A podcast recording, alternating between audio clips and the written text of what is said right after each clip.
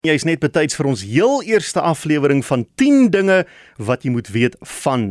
Ons gaan vir die volgende paar maande elke week 'n uh, ander onderwerp dek en ons begin met burgerlugvaart uit die oog van 'n lugwaardin. Op die lyn het ons vir Jolandi Nel, nee, ek dink ons het nou net vir Jolandi verloor. Kom ons kyk of ons haar kan terugkry. Maar in elk geval Jolandi Nel, sy is 'n uh, lugwaardin van Emirates Lugredery. Hallo Jolandi, is jy nou daar? Ek is hier so sorry, ek weet nie wat nou daar gebeur het. jy is uh, in ons heel eerste aflewering van 10 dinge wat moet jy wat jy moet weet van en baie welkom. Dankie dat jy kan saamgesels. Baie dankie vir die uh, opportunity. Luister, ek moet net byvoorbeeld sê jammer vir my mengels. Ek is nie meer so baie gewoond aan om Afrikaans te praat nie, so ek gaan 10 teen in baie Engels in in die gesprek ingooi. Dis geen probleem nie want ehm um, is burgerlugvaart se amptelike taal nie in elk geval Engels nie. Alles wat gedoen en gesê word is in Engels. So al, al die terminologie, alles is in Engels. Ons gaan jou heeltemal vergewe as hier en daar 'n bietjie mengels praat, hoor. Okay, fantasties. Ja, want ook halfte van die tyd weet ek nie om die goed te sê sonder om dit in Engels te sê nie, soos jy sê, want alles word in Engels gesê. Ja. So kom ons begin by punt nommer 1. Wat is die eerste ding wat ons moet weet? Ooh, die eerste ding. So, hierdie is um just straight off the bat, bietjie gross, maar mense moet weet dat die die water op 'n toilet se vloer, dit is nie water nie. So, ehm um, dis bietjie garam, maar ja, baie keer loop mense rond sonder skoene. en ons net soos van uh nee, liewer stes nie. so daai water is nie water in die toilet nie, moenie kaal voetloop nie. Nee, veral nie op nagvlugte nie. So oh. moet definitief nie kaal voetloop nie. Pak maar vir jou 'n ekstra paar uh, plakkies of pantoffels in. Dis jou beste maatjie op vlugte. Wonderlik. Punt 2.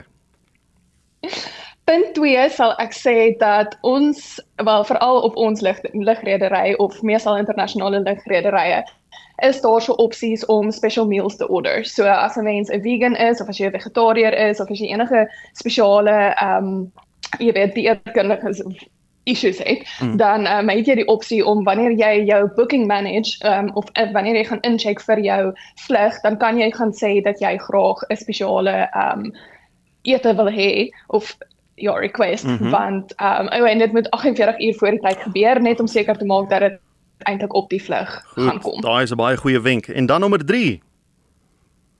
Nommer 3 ook kosgewys. Um die vliegtyg se kos is verskriklik hoog in sodium. So wanneer dit is klein porsies, maar hulle wil hê dat mense vol voel. So baie keer sit hulle geweldig baie sodium binne oh. in die um die kos.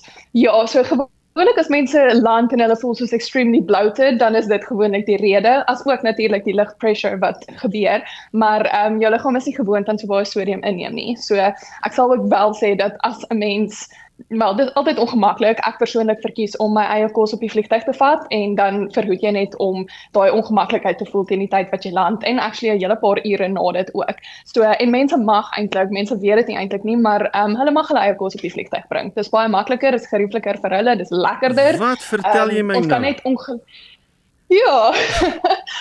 Ek het ook nooit geweet nie voordat ek van dit was ek soos van o oh my woord tot moet die kos eet op die vliegtuig. Jy hoef nie. my maggies, goed, dis baie interessant. En dan nommer 4. Nommer 4 is ek sal nou nie sê dis iets wat 'n lugvaartdien spesifiek sal weet nie, maar ehm um, jy of die die neus van 'n vliegtuig, hulle noem dit 'n ra radome, radome, ek weet nie hoe om dit dit is 'n 'n radar um dome. Ja. So binne in hierdie radar dome is eh, tel hulle die weer op van wat buite aangaan. So dit is natuurlik ek is nie seker hoe ver vooruit nie en redelik ver neem ek aan. So dit is hoe hulle weet wanneer daar so turbulence is of wanneer hulle turbulence voorspel mm -hmm. vir ja, om die seatbelt signs voor die tyd aan te sit of wat ook al die case may be. Ja, um en dan uh agter in die 777, die Boeing 777 op ons vliegtuig is daar so uh hat racks. So ek weet, ek het geen idee wat dit is in Afrikaans nie. Nou hoekom wil mense dit oopmaak? Lyk dit soos iets wat jy kan oopmaak?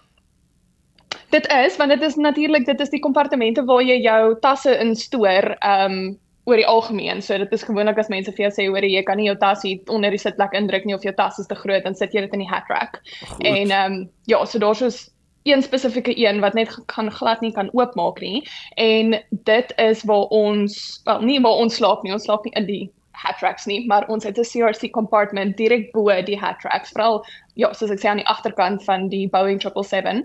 Um so dit is 'n uh, hulle noem dit actually 'n emergency escape hatch, daai spesifieke kompartement mm -hmm. wat nie kan oopmaak nie. So as iets moet gebeur wat veroorsaak dat ons nie uit die CRC uit kan kom uit die normale deur nie, dan moet ons op 'n ander manier daar kan uitkom. En um ja, dit is nou maar net 'n manier ah. om om daar uit te kom van Goed. van binne af buite so. toe. Ons is by punt 6. Kom ons ja. gaan. Punt 6. Okay, nog 'n ding wat uh, nie noodwendig die lekkerste ding is om te hoor nie, maar baie keer die skerms van die die TV's is hmm. nie die skoonste nie. So ek sal voorstel, ek het dit actually op my laaste vlug gesien en waar 'n vrou met haar tone die touchscreen gebruik. Nee man. Dit was baie onaantreklik. ja. So asseblief oh. mense, vat vir julle Weight Watch saam op 'n oh vlug. Oh my goodness. Ja, alles af. Ja nee, heel duidelik. Ja. Uh, goed, ek's bang om te vra, maar kom ons gaan op punt 7 toe. Ek weet nie of ek nog wil hoor nie, maar ons moet gaan, ons moet deurdruk.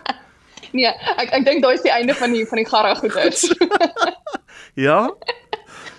Ehm um, nog 'n ding wat mense nie weet nie, ons word nie betaal solank as wat die vliegtuigdeure oop is nie.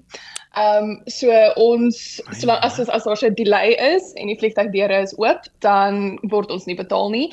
Dis hoekom baie keer sal ons bietjie mense begin druk om te sit en om die hattracks toe te kry want een van ons reëls is ons mag ons mag fisies nie die laaste deur toemaak as almal nie sit met hulle ehm um, sitlek gordels vas en al die hattracks is toegemaak nie. So ons uh, Ja, en natuurlik vir ons, jy wil graag betaal word. Ek meen as jy van 4:00 die oggend af ja. wakker is, um in uniform is en jou pragtige Emirates smile moet opsit, dan wil jy wil jy baie graag so vinnig as moontlik daar uitkom sodat jy so vinnig as moontlik weer in 'n bed kan kom waar ook al jy gaan land. Ja, maak baie sin. Ja, punt 8 punt 8. O, oh, ek sukkel ek ek moet sê ek sukkel nogals by die laaste 3. Ek het selfs um, vir my kollegas op 'n Facebook bladsy gevra wat stel hulle voor sal ek sê en baie van hulle het met baie vreemde goeters kwyt geraak. Ehm um, so een van die baie vreemde goed. Ehm um, in die galley, so dit is basies ons kombuis area. Ja is as mense nou regtig mooi gaan kyk dan die deure het sulke latches en hierdie latches lyk asof hulle gesiggies het. So ons grap baie keer dat ons hypoxic is as ons op 'n op, op 'n lang vlug is. Ehm um, basies hypoxic is wanneer jy suurstof na jou brein toe verloor en dan lyk like alles asof dinge pret is. So jy lag verskriklik baie en ja.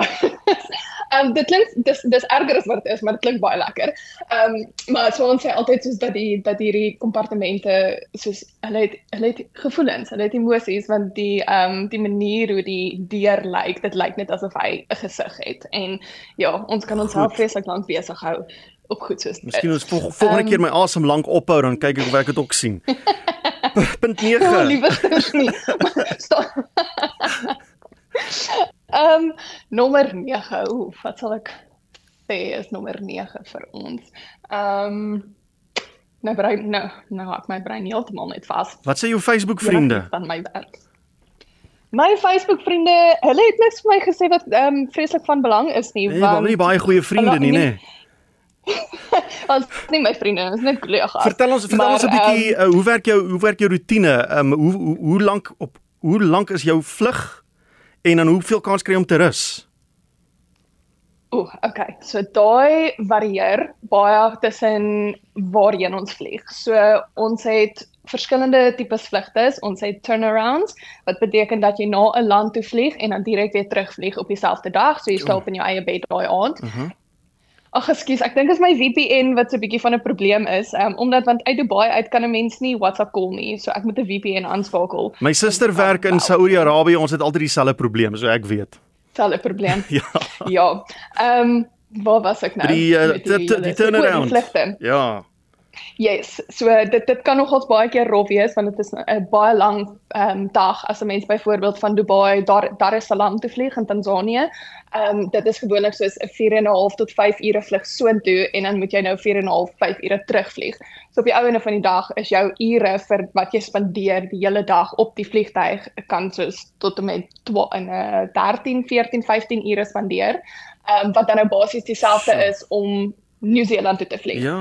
Ehm um, ja. So ons ons het baie lank ons langste vlug heidaglik is Auckland toe van Dubai tot in Auckland. Dit varieer tussen 15 en 17 ure. Ehm um, en dan kan ons daarom gelukkig die CRC gebruik mm. wat dan nou veroorsaak dat ons ten minste so 'n bietjie van 'n 'n ruskansie kan kry van ons voete af is en 'n nap kan vang. Het jy in al die lande waarheen jy vlieg, het jy al oral uh, vriende en of familie waar jy kan gaan mag jy hulle gaan kuier as jy as jy land uh, by 'n spesifieke land? Yes, yes, ons mag gaan kuier. Ehm um, so ons het gewoonlik so plus minus 24 uur, soms bietjie minder, soms bietjie meer. Ehm um, so as jy jou as jy mense het in verskillende lande, dan kan jy met liefde gaan. Ehm um, ja, solank jy net ons moet net ons het 'n hele paar ure voor die vlug het ons 'n wake-up call in die hotel en ons het 'n pick-up time. So die pick-up time is gewoonlik dan die tyd wat jy in die bus klim. So solank as wat jy tussen jou wake-up call en jou pick-up time terug is by die hotel dan en jy op die bus klim, dan ja, is alles oukei. Okay. Nou ja, daar is dit en na die tyd ons ook ingehaal. Jolandi, baie dankie vir die saamgesels. Dit is baie interessant. Hier's 'n klomp goed wat ek glad nie geweet het nie. Maar is die punt van hierdie insetsel. Dankie vir die saamgesels. Voorspoed vir jou. Dankie vir julle Willem. Ek hoop julle het 'n wonderlike dag vandag. Totsiens. Dis Jolandi Nel, lugwaarden van die Emirates Lugredery.